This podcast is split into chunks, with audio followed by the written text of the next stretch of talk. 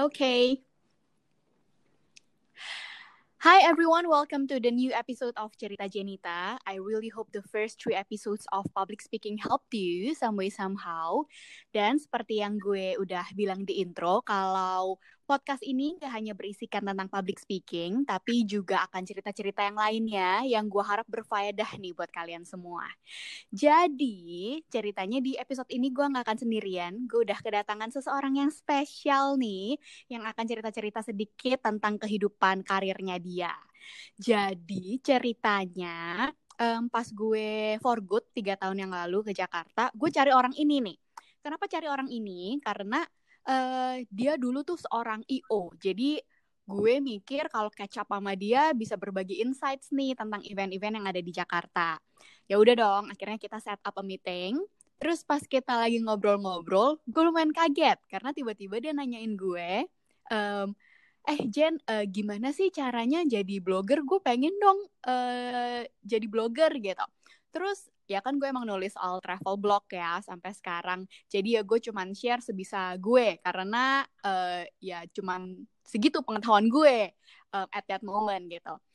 Nah terus belum genap tiga tahun orang ini yang terjun ke dunia blogging sudah verified accountnya. Luar biasa. Puji Tuhan. Eh, iya, eh belum di welcome, udah ketahuan. Oh iya iya iya iya. Maaf maaf maaf so excited ya Pak ya orangnya. Excited soalnya. Uh, uh.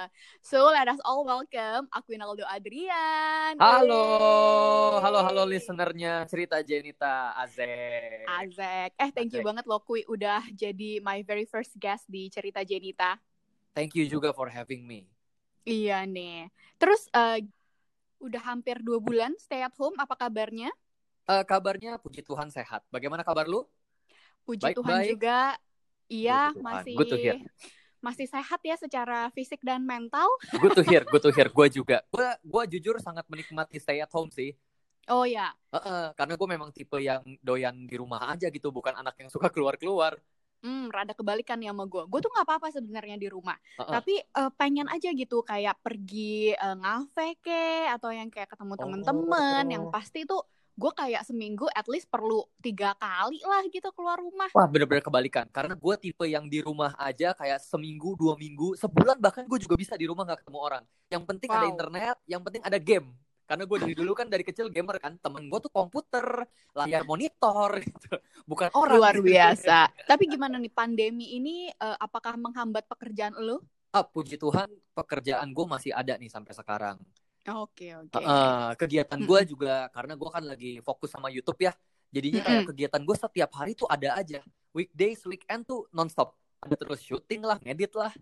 Dan menguntungkan ya buat lu. Soalnya kan mungkin beberapa orang uh, kalau kalau bikin konten itu harus di luar tapi lu tuh di rumah juga masih oke okay ya Betul. masih doable banget gitu Betul banget jadi memang gue kan udah bikin tempat tinggal gue jadi ada studionya juga nih dan memungkinkan konten-konten gue itu sangat memungkinkan untuk gue bikin konten gue di studio gitu Oh, such a privilege ya. Such a privilege, betul. Uh, uh. Oke, okay, jadi kita balik nih. Oke. Okay. Balik ke cerita awal ya. Oke. Okay. Kan Iya waktu itu kita ketemu. Inget gak sih di kafe apa ya gue bahkan lupa. Gue aja nggak tahu ya? itu kafe masih ada apa enggak men. Kayaknya kafe yang di dekat daerah Mediterania situ deh. Hah? Pokok soalnya yang mana nih? kan? Nah, kompak kita Mediterania. Mediterania ada di dekat CP waktu itu yang di sudut. Ada tuh yang kayaknya di beda di beda no, ya? no, no. kayak awal banget kita ketemu itu tuh lo lagi kerja di salah satu kafe di Pik apa di PNB Tapi gue lupa, ya? Soalnya PNB Pik ya Nah, kayaknya deh. Kayaknya bener-bener bener. Ah, bener. Iya, iya, iya. Nah, dari hmm. situ kan belum mulai ya bahkan ya waktu belum, itu. Belum, Pas lagi itu kita uh, ketemu, gue masih IO doang. Oh, oke. Okay. Masih event organizer. Nah, terus gimana ceritanya tuh? Dari uh, eh, IO terus tiba-tiba lu terjun ke dunia uh, fashion blogger gitu. Maksudnya mm -hmm. apakah lu punya passion di sana? Mm -hmm. Apakah emang udah cita-cita dari kecil? Iya. Atau gimana sih? Jadi memang uh, passion gue tuh dari dulu, dari gue kecil gue suka banget sama dunia fashion. Mm -hmm. Dan memang gue yakin kalau suatu hari gue mau nih terjun ke industri fashion. Cuman okay. yang gue belum tahu adalah mau jadi apa makanya mau jadi fashion designer kah atau mau jadi kayak fashion stylist atau mau bikin brand gitu. Nah pada saat itu mikirnya sih kayak oh kalau bisa gue mau bikin brand ah mau bikin clothing lain. Tapi hmm. um, ya waktu itu mungkin belum ketemu aja opportunity-nya. belum punya banyak uang juga untuk menjadi modal jadinya kayak aduh gue nyari tahu dong apa ya yang bisa gue lakuin dengan apa yang gue punya pada saat itu nah ternyata mm -hmm. kayaknya dunia blogging itu adalah salah satunya cuman ketika gue tahu dunia blogging pun gue tahu blogger-blogger ada fashion blogger gue tuh nggak langsung terjun jadi gue terjunnya tuh di diterjunin sebenarnya dicemplungin eh, diterjunin. gue nah, jadi mantan gue dulu tuh selalu encourage gue buat kayak kamu tuh bisa jadi model gitu nah terus uh, satu waktu kayak dia fotoin gue di Instagram terus dia yang mm -hmm. dia kasih hashtag banyak udah gitu dia post dan itu postnya di Instagram gue ya oh oke okay, oke okay. itu pertama kalinya likes gue lebih dari 100 tuh Wah, gue wow. gue kepincut abis itu. Kepincut. gue kepincut. Langsung uh, nagih ya dapat like Langsung nagih. Ya? Dari situlah akhirnya gue mikir kayak oh ya udah deh, mungkin gue coba aja tekunin dulu nih gitu. I see. Nah, jadi kayak jadi begitu tuh ya, awal cerita mulainya gue bisa Awalnya coba-coba asik. Awalnya coba-coba, awalnya malah dicobain. Gimana bahasanya ya? Awalnya tuh ya gue diposin gitu kan, bukan gue yang mau. Iya, iya. Bahkan pada saat awalnya itu gue tuh coba lah, awalnya iya, coba. Tapi pada saat itu gue masih against loh, karena gue lagi di posisi yang udah gue kerja cari duit aja dan kerjaan gue saat itu udah memberikan gue penghasilan yang bagus. Jadi gue tuh hmm, nggak okay. mau sebenarnya waktu itu gue nggak mau coba-coba kayak udahlah gue kerja ini aja. Tapi gue selalu di encourage kayak kayaknya bisa deh, kayaknya bisa deh, kayak bisa deh gitu. Berarti ini um, agak indirectly thanks to your ex gitu ya ceritanya Betul, ya? thanks to my ex. Thank you so uh, much. Hopefully dia listen to this ya. Hopefully, uh, hopefully. Oh, apa apa lu udah thank you langsung? uh, udah belum ya? gue nggak okay. tahu lu gue udah thank you langsung atau belum. ya anyway, emang udah jalannya Tuhan juga lah ya. Mungkin, mungkin. Uh, uh, percayalah maksudnya semuanya itu tuh ada baiknya di setiap relationship baik Betul. atau gagal asik kenapa kita jadi ngomongin relationship nih oke okay, oke okay. jadi um, setelah lu mulai post-post foto tuh kan udah kepincut sama likes-nya mm. nah terus tuh sejak kapan um, oke okay, gue mau menekuni bidang ini gitu uh, oke okay. jadi pada saat itu kan gue cuman ngepost ngepost doang tuh jadi gue bikin konten OOTD konten OTD uh-uh. terus di post OTD post OTD post. Tapi main gue pada saat itu masih IO masih mm-hmm. gue tekunin dunia IO itu masih.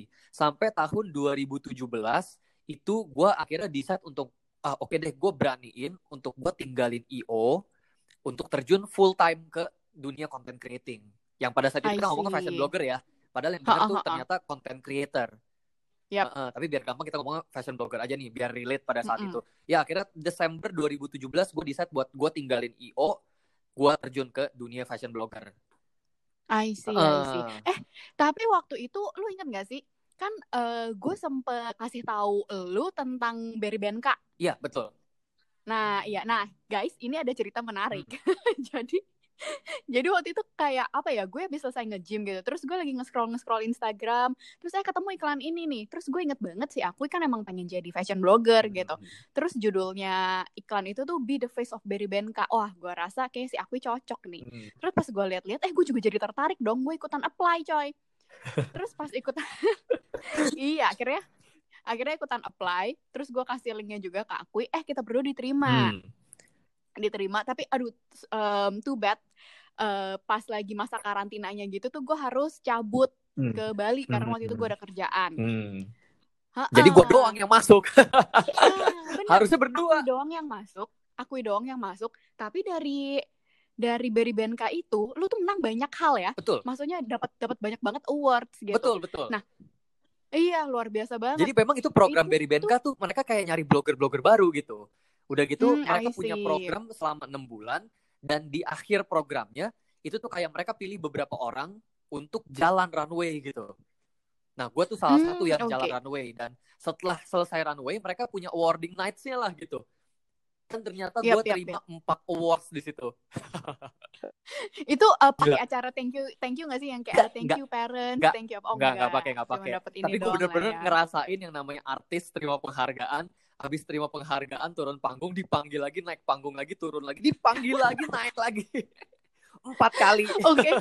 eh tapi gue tuh lupa banget itu Berry Benka berarti sebelum lu memutuskan untuk full time atau sebelum full time? Uh, Berry Benka itu sebelum antara sebelum atau transisi sih kayaknya ya oh okay, kalau gue nggak okay. salah gini deh bener transisi. Jadi ketika gue masuk itu kan dia program dia enam bulan. Dan yeah, awarding yeah. itu tuh Desember Oh, nah, okay. jadi tuh Desember itulah yang pas lagi awarding nas itu gue udah memutuskan untuk gue ninggalin IO. timingnya just right gitu ya buat betul, lu betul. transisi. Kalau gitu. gue sekarang pikir balik lagi, itu bener-bener puji Tuhan, syukur banget itu timingnya bener-bener pas. Karena lewat Berry Benka itu kayak gue punya self confidence, gue punya kepercayaan akan dunia ini, dunia content creating. Mm -hmm. Itu tuh kebus banget, apalagi setelah gue terima 4 awards coy gitu kan, kayak oh gue oh, berarti iya, bisa kayaknya... di sini nih gitu loh lu memulai karir ini dengan uh, cemerlang iya, gitu dengan ya. cemerlang dan perasaan menggebu-gebu gitu. Empat awards dari lima, bayangin. Oh wow, dari lima. Kalau gua nggak salah, kalau gua nggak salah dari lima. Kalau salah maaf. Ah, I see, I see. I see. Berarti um, dari sana, dari Berry Benka, lu mulai naik-naik-naik terus atau gimana? Maksudnya kayak uh, gimana tuh perjalanan dari, gue inget banget, uh, dulu kayaknya pas gue kenalin lo ke Berry Benka, follower lu tuh masih di bawah 2000. Hmm, betul. Terus belum udah genap belum sih tiga tahun? Uh, sebenarnya belum genap tiga tahun, jalan. Oh ya Desember 2017 ya, ya soalnya. Jadi Desember kan? 2020 mm -hmm. inilah genap tiga tahun. Iya, jadi belum tiga tahun nih, lu tuh udah um, verified followers hampir tujuh puluh ribu. Nah itu tuh gimana ceritanya gitu? Oh oke, okay. jadi gue kan memang mulainya pun dari bener-bener nggak -bener tahu sama sekali tentang dunia ini ya. Jadi uh, uh, gue bahkan kayak pada saat gue mulai pertama kali mutusin buat ini di Desember nih ya, Desember 2017, itu tuh gue masih mm -hmm. yang kayak gue ngeliatin blogger-blogger, mereka nih kerjaan ngapain sih? Gue ngeliat dong nama-nama yang sudah besar gitu, yang udah followersnya banyak, yang bikin konten fashion juga, itu tuh gue masih wondering ngeliatin mereka. Mereka dapet duit dari mana sih? Udah gitu kerjaannya ngapain sih? Kayak cuman makan-makan enak ke resto, pakai baju bagus di foto gitu. Tapi pelan-pelan dari situ gue belajar kalau oh ternyata tuh ini kayak dunia advertising aja.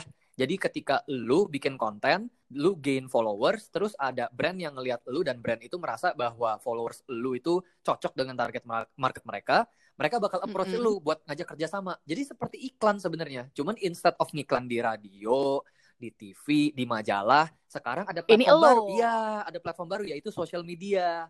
Di mana kita siap, nih, siap, kita individu-individu bisa jadi media. Jadi media. Betul. Ha -ha. Dan cara tanda kutip ya jadi media. Betul, tanda kutip jadi media. Nah, e, gimana perjalanan sampai bisa punya followers segini? Sebenarnya agak panjang ceritanya nih. Tapi dulu gue juga mm -hmm. bingung karena gini, pertama kali gue bisa punya seribu followers, gue tuh happy banget dong. Mm -hmm. Wah dari itu akhirnya nolnya tiga digit gitu, yang darinya ratusan jadi ribuan. Terus gue mikir, ini ribuan, ini seribu, itu tuh effort banget loh. Itu tuh effort, oh, okay. effort sekali. Loh, tapi, hmm? uh -uh. tapi emang dari dulu lu uh, pengen banget punya follower banyak. Kan enggak kan emang lu mau fokus di IO kan dulu. Iya tapi ketika gue akhirnya mutusin buat gue ya, serius seneng aja lah ya punya tiga digit pasti, gitu. pasti seneng. Tapi uh -uh. at the same time kayak gue ketika nyoba-nyoba walaupun gue masih fokus IO gue udah mulai tuh ada harapan-harapan kayak gue mau ini bisa jadi karir juga sih kalau bisa. Gitu loh. Jadinya kan udah mulai cari tahu dan udah mulai punya harapan-harapan nih kalau oh siapa tahu IG gue bisa jadi bisa jadi lapak bisa jadi karir followers gue bisa nambah. yep, yep. Jadi ketika gue di seribu, gue wondering, gila seribu tuh ngos-ngosan banget ternyata. Gimana sepuluh ribu? Gimana seratus eh, tapi gue juga, iya sih. Gue juga wondering sih. Maksudnya kayak gila ya. Um, orang tuh followernya bisa kayak seratus delapan puluh ribu. Nah. Satu M. Nah. Gue sampai bingung loh. Yang kayak ini tuh orang-orangnya gi kayak gimana gitu dia bisa attract followers Bener, gitu. exactly. Itu gue juga uh -uh. mikirin itu hal yang sama. Karena pada saat gue sampai ke seribu followers, sampai ke dua ribu followers, itu tuh kayak gue ngandelin daily growth. Jadi kayak followers lu tuh kalau ketika lu bikin konten, apalagi kalau memang mm -hmm. konten lu bagus, terus juga lu pakai SEO, SEO Instagram itu kan ya pakai hashtag gitu. Itu tuh otomatis mm -hmm. kayak pasti ada orang-orang yang ke attract dan followersnya nambah pasti. Oke. Okay. Uh, tapi itu hanyalah daily growth, jadi cuman kayak nambah sekian follower, belasan follower paling banyak itu pun per hari gitu loh. Kayak per hari nambah satu follower, dua follower, tiga follower, lima follower, paling mm -hmm. banyak sepuluh follower dalam satu hari itu udah banyak banget. Terus Mm-mm. gila kalau misalkan cuman kayak gini-gini doang nih growth-nya mau sampai sepuluh ribu kapan? Kayak gue makan nasinya kapan gitu. Apalagi ketika gue mutusin buat gue tinggalin IO yang pada saat itu adalah penghasilan utama gue. Iya ya kan? Nah akhirnya di situ kayak ya udah tapi karena gue juga masih bener-bener uh, bingung baru banget baru ya. dan gue juga belum terlalu banyak kenal orang di dunia ini. Cuman saat mm-hmm. itu tuh ada nih ada teman-teman uh, ada beberapa orang lah yang yang baik banget juga sebenarnya enggak tapi teman main deh gitu jadi gue masih bisa nanya dan uh, untungnya mereka cukup berbaik hati untuk ngasih tahu nih Kiki Davin mereka tuh oh, orang yang ngasih tahu iya. gue juga gitu kayak si Kiki waktu itu ketika gue masih uh, seribu dua ribu followersnya udah belasan ribu Uh, uh, jadi kan gue nanya-nanya dong ke dia gitu. Oh iya ternyata kayak memang konten, uh, bikin konten aja terus bikin konten sama ternyata kuncinya tuh collab. kolaborasi oh, okay. uh, kolaborasi berarti kayak lu asal DM orang aja gitu apa apa nah, gimana nah gue harus say thank you banget ke dua nama ini nih jadi uh, dua orang yang ini yang berkolaborasi sebenarnya gue nggak tahu bisa dibilang kolaborasi atau enggak nih tapi gue cukup beruntung dua orang ini tuh kayak feature gue di sosmednya mereka di Instagram mm. mereka ya. Jadi ada satu orang namanya Leon Dozan, dia itu anaknya dari aktor Willy Dozan sama penyanyi Betaria Sonata. Zaman okay. bapak kita itu kayaknya yang pada tahu ya. Betaria Sonatanya kayak gue sempat denger, uh, cuman yang lainnya uh, Willy ya, Dozan itu tuh yang main gitu film tahu. ini, uh, yang yang main film martial arts. Enggak tahu, tahu ya? up. Ah, oke okay, oke. Okay. Ya, intinya ini anaknya lah gitu. Udah gitu kita uh, uh, bikin photoshoot bareng. Nah, okay. kita bikin photoshoot bareng, udah gitu pas lagi photoshoot ya, gue masuklah di sosmednya dia gitu. Mm-hmm. Nah ini ketika gue masuk di sosmednya dia tuh gue inget banget followers gue itu tuh pada saat itu 2000-an. Mm-hmm. Setelah gue masuk di sosmednya dia, itu jeda kayak seminggu paling setelah itu followers gue 5000 Wow, dua berpengaruh sekali sih. Uh, siapa? Leon Dozan. Siapa Dozan? Leon Dozan. Leon Dozan. Leon Dozan. Gue inget banget okay, karena momen okay. itu ada lagi nih.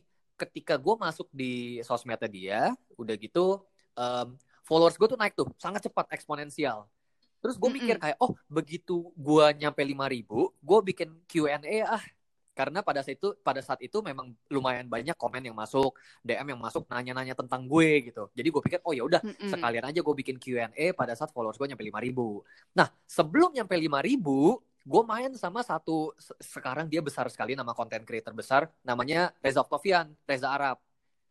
Arab, ya ya ya ya. Gue IO karena gue IO dia MC. Oh dulu dia nge-MC. Betul. Benar benar. Dan kita berkali-kali kerja sama di gue sebagai IO dia MC karena gue memang IO Seventeen kan dan dia memang mainnya itu tuh dulu di Seventeen Birthday Prom Night di dua itulah. Yep, yep. Uh, ya udah karena itu kita udah lama nih nggak kontak kan sejak zaman IO, gue masih IO dia udah mulai main ke YouTube tuh saat itu udah bikin YouTube channel mm -hmm. sendiri sampai sekarang akhirnya udah gede. Terus satu hari kita janjian uh, janjian ketemu dia ngajak gue main ngajak gue dandanin dia gitu. Jadi dia kayak eh belanja bareng yuk apa pilihin gue baju segala macam gitu. Karena dia tahu juga mungkin gue mulai uh, mulai jadi fashion blogger gitu kali ya.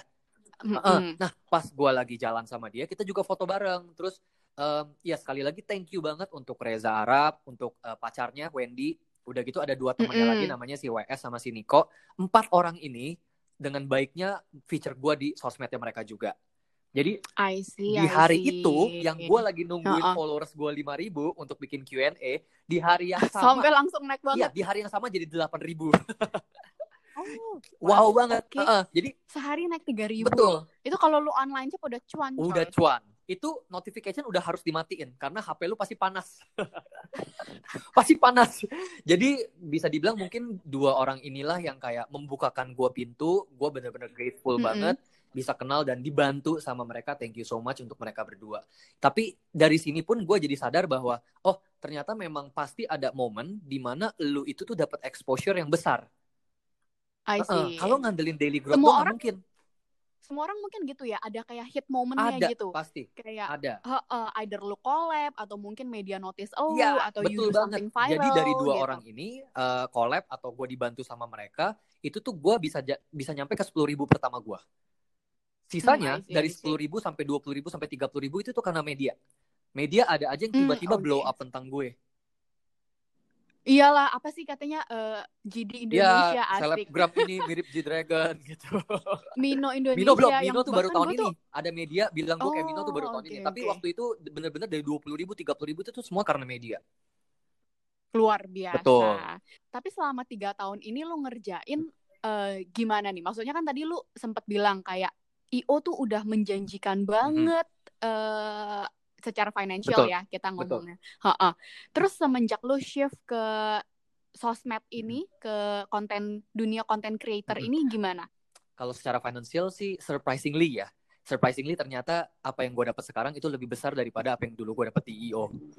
Wow, padahal dulu lu udah bilang stable padahal, ya. Padahal uh, dunia dunia content creating ini menawarkan sesuatu menawarkan juga. sesuatu dari segi uang ya, sangat-sangat memberikan yep, yep. lu opportunity dan potensi penghasilan yang besar sebenarnya. Surprisingly karena um, gue juga gak nyangka kayak sekarang ini gue lagi podcast lagi recording ini di studio gue sendiri gitu yang dulu tuh gue belum mampu untuk afford ini gitu tapi dari hasil content creating yeah. ternyata gue bisa ternyata gue mampu Wah luar biasa banget ya. Tapi gue yakin hmm. banget, maksudnya kan orang-orang tuh cuman ngelihat um, dari enaknya aja ya, kayak oh si aku mah enak kayak sekarang hmm. gitu.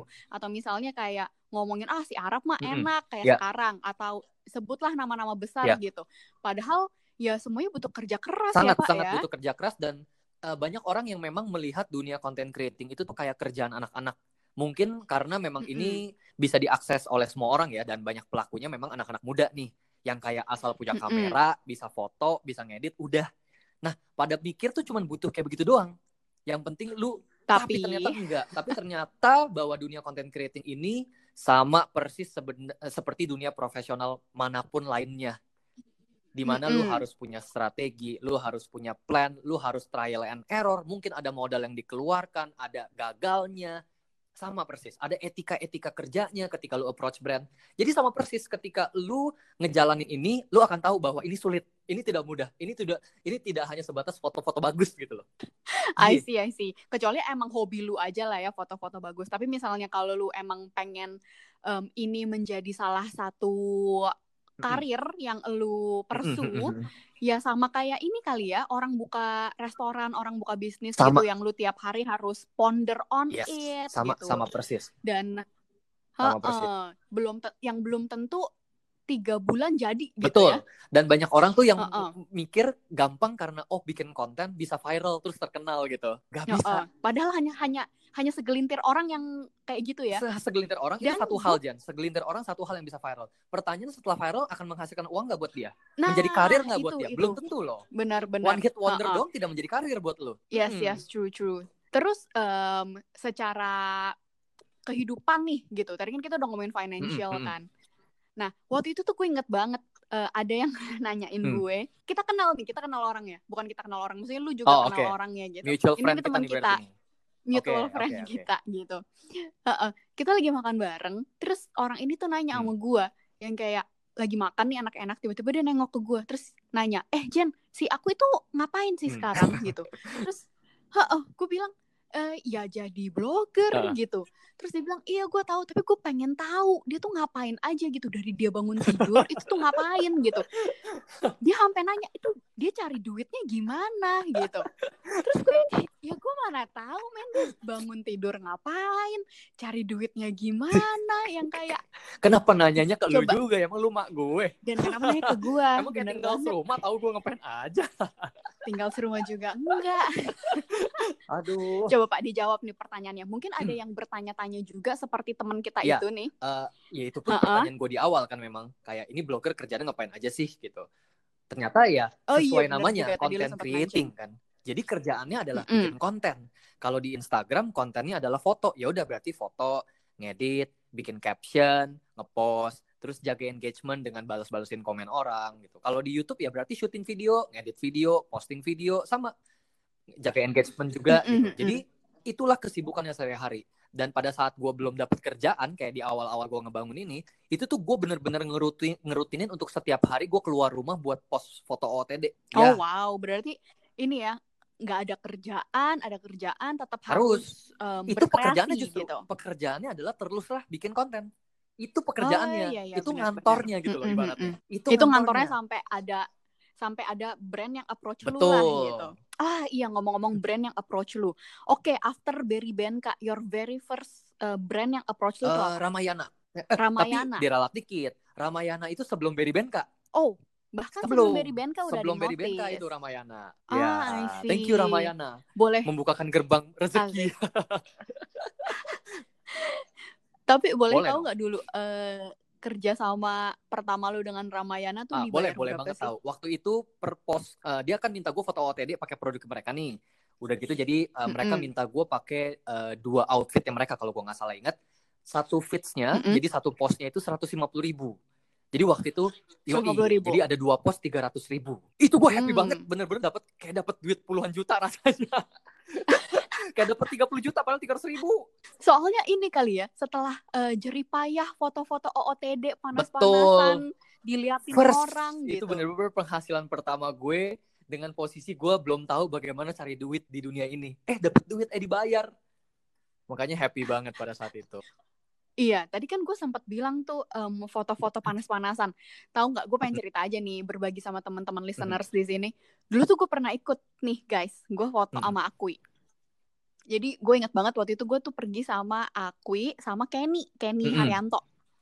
Ha-ha, kita pergi terus fokusnya hari itu adalah mencari konten gitu. Terus gue pikir kayak ya udahlah gue nggak ngapa-ngapain on that day gitu. Jadi gue ikut pergi sama mereka. Terus uh, gue pikir itu kayak enak ya kerjaan ini foto-foto doang dapat duit gitu. Tahukah Anda? Tahukah Anda? Ternyata. Tahukah Anda? Ternyata capek, capek banget capek gila. Banget. Sumpah capek banget loh. Kayak hal yang pertama harus dilakukan adalah uh, apa ya dandan. Mungkin gue orangnya males dandan kali ya. Maksudnya kayak mereka mereka kan kayak punya stylenya sendiri maksudnya ya aku fashion blogger gitu terus kayak kayak ini buka baju juga karena okay. badannya bagus ya dia ya karena badannya bagus gitu berarti aku kan harus effort ya, hmm. ya kakak ya uh -uh. terus menurut gue kayak uh, dandan itu tuh capek karena gue nggak gitu suka dandan. Oke okay, gue suka gue suka tampil cantik kalau gue nge-MC tapi other than that gue rasa being presentable aja tuh oke okay, gitu. Terus mejanya harus ditata karena kita ke kafe. Terus udah kayak gitu berarti um, keluar modal juga dong ya buat beli Ya, kalau di kita di kafe gitu. harus makanan atau minuman.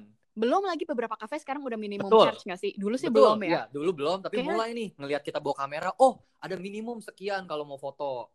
Terus udah kayak gitu. Nah, yang paling terakhir nih Kak, gue nggak uh, belum belum gimana hmm. gitu hatinya. Menahan malu di depan orang-orang. gue tuh mereka tuh kayak bisa pede aja gitu. Kayak di tengah keramaian, uh, kayak uh, maaf ya kak aku mau foto sebentar sumpah itu gue nggak enak banget loh. Tapi mereka berdua tuh berani gitu. Itu hebat itu gue anjurin itu itu adalah skill buat itu skill kalian. yang harus diasah memang. Lu bayangin kita seharian kita pindah ke tiga kafe nih kalau Jenita itu. jago public speaking itu namanya public photoshoot.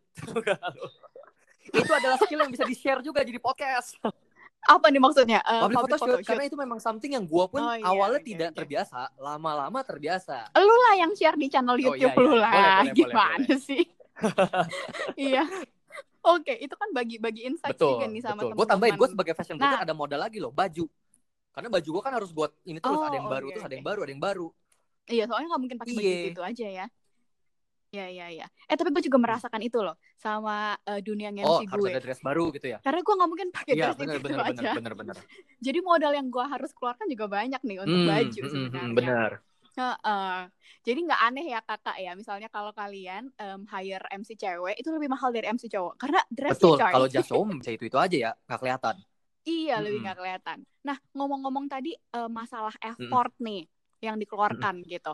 Lu ada tips-tips gak sih buat um, teman-teman nih yang mungkin lagi uh, eh, PSBB hmm. di rumah nggak ngapa-ngapain aja, terus mereka inspired by you gitu, mau jadi juga ah content creator, ada tips-tipsnya? Oh oke, okay. berarti ini tips untuk orang yang benar-benar baru mau terjun ke dunia content creating gitu ya? Atau yang lagi meniti deh, lagi awal-awalnya lu banget tuh yang OOTD OOTD tapi kok aduh engagementnya nggak dapet dapet ya apa yang harus mereka oh, lakukan okay, okay, gitu. Okay. Sebenarnya nih kalau dari segi ngomong opportunity sekarang tuh saat yang bagus karena memang mm -hmm. orang di rumah aja dan mereka tuh ya hiburannya salah satunya adalah sosmed ya kan? Mm, Jadi itu iya traffic iya sosmed juga. sekarang lagi bagus sebenarnya. Jadi untuk orang-orang yang lagi mau meniti karir, mau terjun ke dunia content creating, sebetulnya ini saat yang tepat. Udah gitu juga dari segi kegiatan yang tadinya mungkin nggak ngapa-ngapain bisa jadi pembuat konten. Jadi ngapa-ngapain? Ah, benar, yang tadinya hanya penikmat konten sekarang jadi pembuat konten.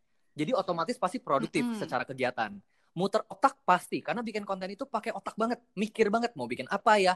Udah bikin nextnya apa ya, gitu loh. Jadi produktif banget nih yeah, yeah, kegiatan, yeah. mikir. Um, kalau misalkan soal tipsnya, mungkin nomor satunya adalah ketika baru ini buat orang yang baru mulai ya. Mikir yep. dulu lu mau bikin apa? Dan punyalah alasan kenapa orang harus follow lu instead of orang lain. Contohnya kayak pada saat gue mau mulai jadi fashion blogger saat itu tuh udah ada nama-nama yang lumayan besar fashion blogger juga. Baik cewek maupun cowok. Specifically cowok deh. Uh-uh. nah gue tuh mm -hmm. harus punya alasan kenapa orang-orang harus follow Instagram gue instead of follow yang lain-lain kalau lu bisa menjawab mm-hmm. itu, berarti you are good to go gitu ibaratnya. Jangan jadi hanya satu di antara okay, banyak orang. Pokoknya be specific ya be specific in what you want in gitu. what you want to create. Uh, dan mm -mm. berteguhlah sama itu. Tapi ini pilihan sih. Kayak contohnya ketika gue ber uh, eh, gue memilih untuk bikin konten fashion, ya udah gue bener-bener tekunin fashion aja gitu. Gue nggak bikin konten-konten yang lain. Apalagi kalau yang ngabur banget nih dari fashion. Contohnya gue nggak bikin konten makanan, gue nggak bikin konten apalagi makanan deh yang paling gampang karena kan banyak sekali nih yang jadi food blogger nih. Uh -uh, jadi yep. bikinlah be spesifik biar brand juga tahu kayak oh lu itu bikin kontennya ini gitu. Bayangin aja kayak ketika lu hmm, jadi hmm, seseorang, lu jadi figur, lu tuh mau kerjasamanya dengan brand seperti apa sih gitu. Nah kalau gue udah tahu nih dari awal karena gue sukanya sama fashion, gue one day pengen banget nih bisa kerjasamanya sama brand-brand high fashion gitu. Nah, ya udah gue hmm, berteguh yeah, terus yeah, di situ. Yeah, yeah. Tuh tentukan visi ya, Betul, tentukan, visi, tentukan gitu. visinya gitu. mau jadi ke mana. Mm -hmm. Karena kalau misalkan nggak ditentuin, lu oke okay, mungkin bisa dapat semuanya jadinya kayak bayangin gue nggak cuma fashion dong nih gue bikin konten makanan iya fashion iya skincare iya bahkan sampai sampai makeup jadi iya bingung ya pak ya buat juga makeup ya ya nggak akan bisa um, apa ya ibaratnya nggak iya brand pun brand ya. brand tertentu pun nggak nggak jadi, jadi top, top of mind. mind lah mungkin orang tahu nggak akan jadi top, top of mind. mind apalagi brand-brand tertentu yang kelasnya udah menengah atau apalagi ke atas gitu loh. Itu poin pertama. Poin kedua. Poin kedua adalah lakukanlah content creating ini seperti pekerjaan. Jadi apa ini khususnya hmm. untuk kalian yang mau melakukan ini sebagai karir ya. Sadarilah bahwa dunia content creating itu memang terkesan main. Karena kegiatannya seperti main, foto-foto, ngobrol sama orang, ngedit, itu tuh kayak bukan kerja. Tapi ketika tapi ternyata, ternyata tidak. tidak. Betul, ternyata tidak dan dunia ini sama persis seperti dunia profesional lainnya contoh paling gampang adalah gini loh, karena mm -hmm. dunia ini banyak banget anak muda, banyak anak kecil bahkan bukan anak muda doang, banyak dari mereka yang belum mengerti yang namanya etika kerja. Bisa ngirim email, bayangin mm -hmm. ngirim email ke brand jam 12 malam. Gitu loh. Ah, itu kan kalau lu ngerti yeah, ini yeah, kerjaan, yeah. lu gak akan melakukan itu. Uh, uh, jadi yep. betul banget kalau dunia ini bukan hanya sebatas foto-foto bagus, tapi lo harus ngerti yang namanya approach brand bagaimana, cara menyapa mereka bagaimana, cara bikin email yang bener bagaimana, gitu-gitu loh. Iya, iya. Dealing, iya. negosiasi itu tuh semuanya adalah skill yang dibutuhkan juga dalam dunia content creating, tidak hanya sebatas bikin konten. Oke, poin ketiga. Poin ketiga adalah nikmati prosesnya, nggak ada yang instan. Mm, I see, ini I see. penting banget, ini penting sekali karena banyak orang berpikir, apalagi nih mereka yang bikin kontennya, um, bikin konten yang viral. Jadi kayak lagi trendingnya apa, mereka bikin juga. Harapannya mm -hmm. adalah kayak kontennya mereka tuh dapat exposure, terus tiba-tiba viral gitu. Yep. Mungkin bisa, tapi kembali lagi, kalau viral belum tentu jadi karir. One Karena hit doang lah ya. One hit wonder itu tidak akan membuat uh -uh. kalian punya karir berjangka panjang oke okay, mungkin abis itu diundang di TV, abis itu kesebar di mana-mana, diputar di YouTube, di media, di Instagram, bla bla bla gitu. Tapi setelah itu that's it. Kalau gitu. lu nggak bertindak dan follow up dengan keviralan lu itu ya tidak akan menjadikan apa-apa juga lah ya. Betul. Jadi kayak oke okay, exposure satu hal, followers tuh satu hal. Ketika kita mm -hmm. dapat banyak followers, ya udah itu salah satu faktor yang menentukan kita bisa sukses memang di dunia content creating. Tapi pertanyaan konten lu layak dilihat nggak gitu loh. Kayak karya lu apa? Ketika lu bisa dilihat sama 50 ribu orang, 50 ribu orang ini mau lu suguhin apa? Mm -mm. Ketika lu dilihat 100 ribu, 200 ribu, 1 juta orang, semakin banyak, demand itu juga semakin ada.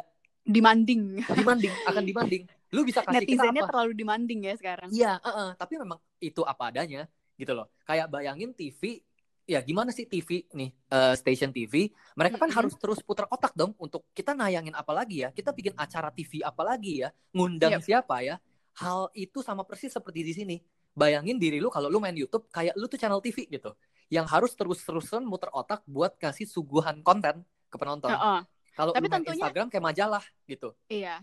Tentunya uh, ini ya. Maksudnya kita lagi ngomongin konten terus konten kayak mm -hmm. pikirin gimana gitu. Mm -hmm. Tapi pastikan juga konten-konten yang lu buat itu juga pastinya membantu orang lain dan mendidik ya. Maksudnya jangan jangan bikin konten yang asal yang orang cuman kayak um, suka-suka doang gitu. Betul, betul, uh, betul. Itu poin plus sebenarnya. Ya walaupun memang gini ya nggak dipungkiri bahwa ada aja nih konten-konten yang um, bisa dibilang tidak mendidik. Tapi tidak mendidikkan not in a bad way loh, bukan yang merusak. No. Ya cuman buat inilah ya. Tapi nggak educating. Uh, entertainment aja lah ya, yes, ya, tapi betul. Uh, uh. Hanya entertaining aja gitu. Misalkan kayak konten gaming, gue nggak bilang konten gaming jelek atau konten gaming tidak mendidik, tidak Tapi misalkan mm -hmm. memang tidak ada nilai educatingnya aja, memang have fun doang, mereka main game terus komentar-komentarin gamenya gitu. Itu aja. It's, tapi tapi bisa... sekarang kan sudah ada apa e-sports. Betul. Untuk game-game beberapa game-game tertentu uh, ya. sudah ada e-sports. Tapi tadi poin gue hmm. adalah kayak oh ketika lu bisa punya poin yang educating, yang positif, bisa share something good to other, itu poin plus sebenarnya. Karena mm -hmm. tidak pun lu bisa make money di sini. Gitu loh, itu poin gue tadi. Tapi memang iya, iya. alangkah oh, baiknya tapi... kalau lu bisa kasih nilai-nilai positif juga lewat konten lu. Ah ya, gitu. setuju setuju. And do everything um, with passion ya, maksudnya. Um, Betul. Emang sih beberapa orang bilang itu tuh passion overrated tapi I think to do something that you like itu akan um, lebih fulfilling ya kak ya lebih fulfilling dan membuat lu juga tahan banting karena kalau misalkan lu tidak melakukan sesuatu yang lu suka lu hanya berpatok pada hasil biasanya. Ketika hasilnya tidak memuaskan lu akan kecewa. Tapi kalau lu ngelakuin something yang lu suka lu akan menikmati prosesnya. Iya. Hasilnya itu poin plus gitu loh, kayak bonus. Kayak gue nih walaupun awal-awal gue belum dapat followers belum dapat kerjaan gue dapat tiga ratus ribu aja seneng. tiga ratus ribu jalan nah, ke mall sekali juga udah habis. Tapi tapi hmm. uh, gue jadi pengen bertanya pertanyaan nih hmm. oke okay, melakukan sesuatu um, yang lu suka gitu hmm. kayak angka belakangan um, semuanya itu tuh poin plus misalnya kalau dapet brand dan segala macam gitu hmm. terus misalnya kalau um, orang-orang pengen menjadikan ini seperti lo gitu karirnya yang mereka tuh bertumpu uh, makan nasinya dengan ini gitu. Berarti kan mereka haruslah kreatif, sangatlah bekerja keras gitu. Kira-kira misalnya kalau belum dapat opportunity yang sama seperti lo gitu, mereka jadi sedikit gak fokus nih. Jadi mereka melakukan mencari hal yang lain gitu. Ha Menurut lu gimana? maksudnya kan agak contradicting nih jadinya ketika lu bilang fokus terus udah bis kayak gitu di satu sisi belum bisa nih jadi tetap harus melakukan hal yang lain hmm, gitu. Hmm, hmm. Oke, okay. kalau itu gue kurang bisa menjawab karena setiap orang punya kondisi keuangan yang beda-beda. Jadi pada -hmm. saat itu, pada saat gue memutuskan nih untuk gue tinggalin IO dan gue terjun ke dunia ini, gue tuh memang ada di uh, ada di kondisi di mana gue bisa meninggalkan pekerjaan utama gue yang pada saat itu adalah satu-satunya penghasilan gue di dunia IO itu ya. Masih bisa sustain lah ya. Gue masih bisa sustain. Gue punya tabungan dan gue tahu memang kalau gue nggak dapat penghasilan sampai sekian bulan ke depan, gue masih bisa napas. Gitu. Yep, yep. Tapi kan Pokoknya belum tentu mungkin... orang lain seperti itu. Terus juga belum yeah. ngomong faktor lain loh, belum tentu dianya sendiri. Kita ngomongin keluarganya dia bagaimana. Kalau dia tulang punggung keluarga bagaimana. Jadi Gimana? banyak sekali faktornya. Jadi ketika bisa punya pekerjaan lain selain uh, dunia ini ya, selain content creating, dan kalau dua-duanya bisa berjalan, kenapa tidak? Itu bagus malah.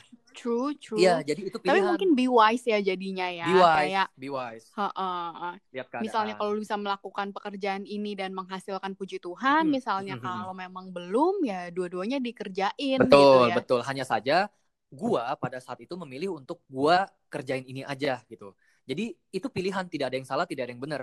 Ketika orang ngejalanin pekerjaan A belum berjalan atau tidak berjalan pekerjaannya, lalu mereka mencari pekerjaan B, salah atau enggak? Ya enggak salah dong, yang penting lu dapet duit.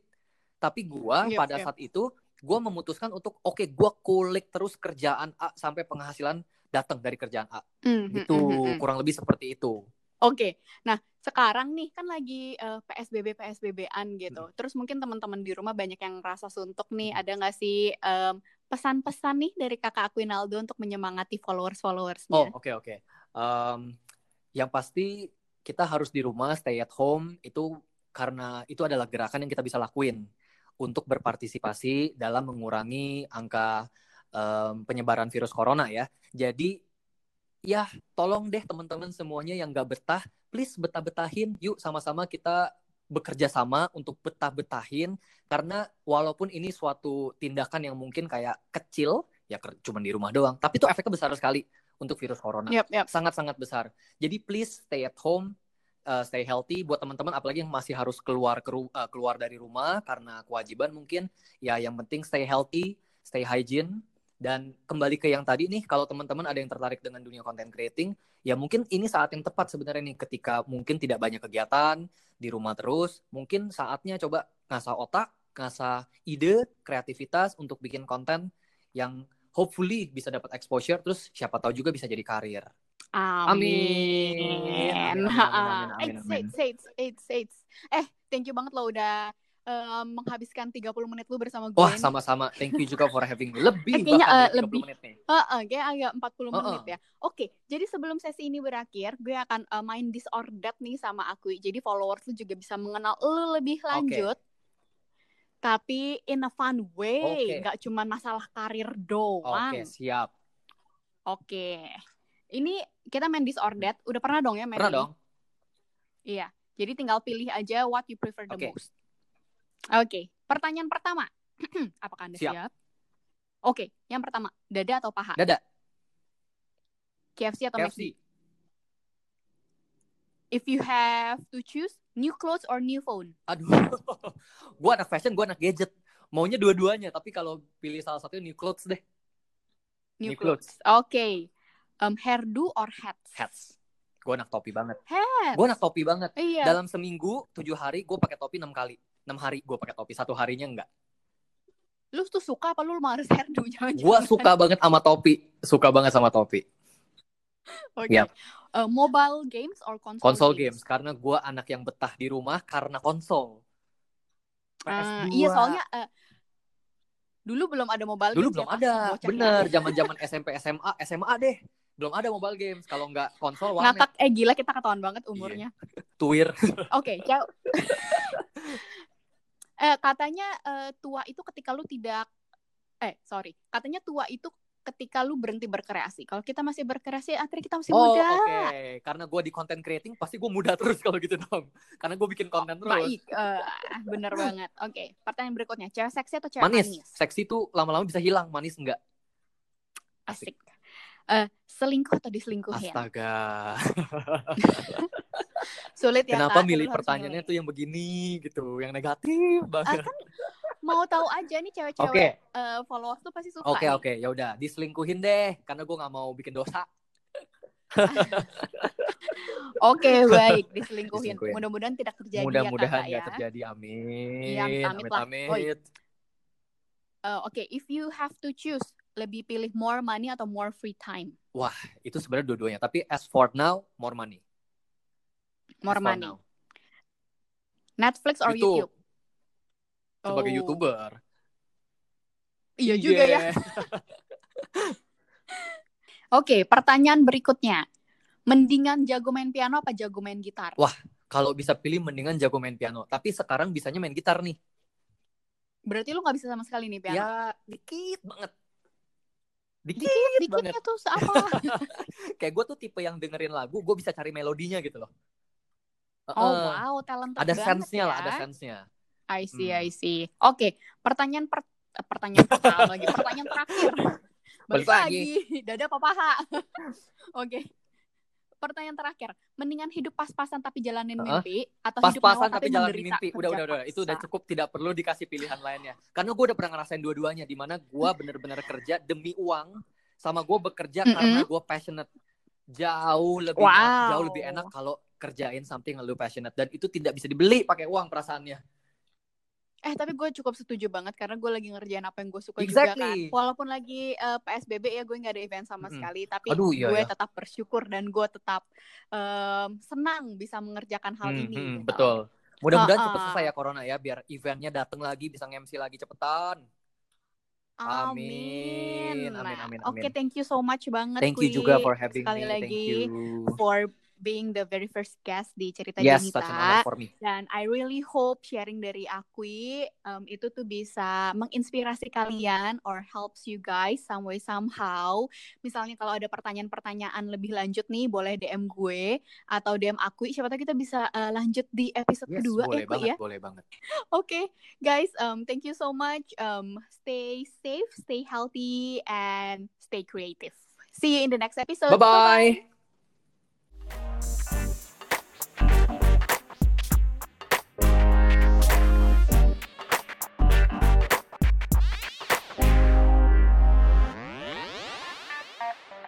Bye.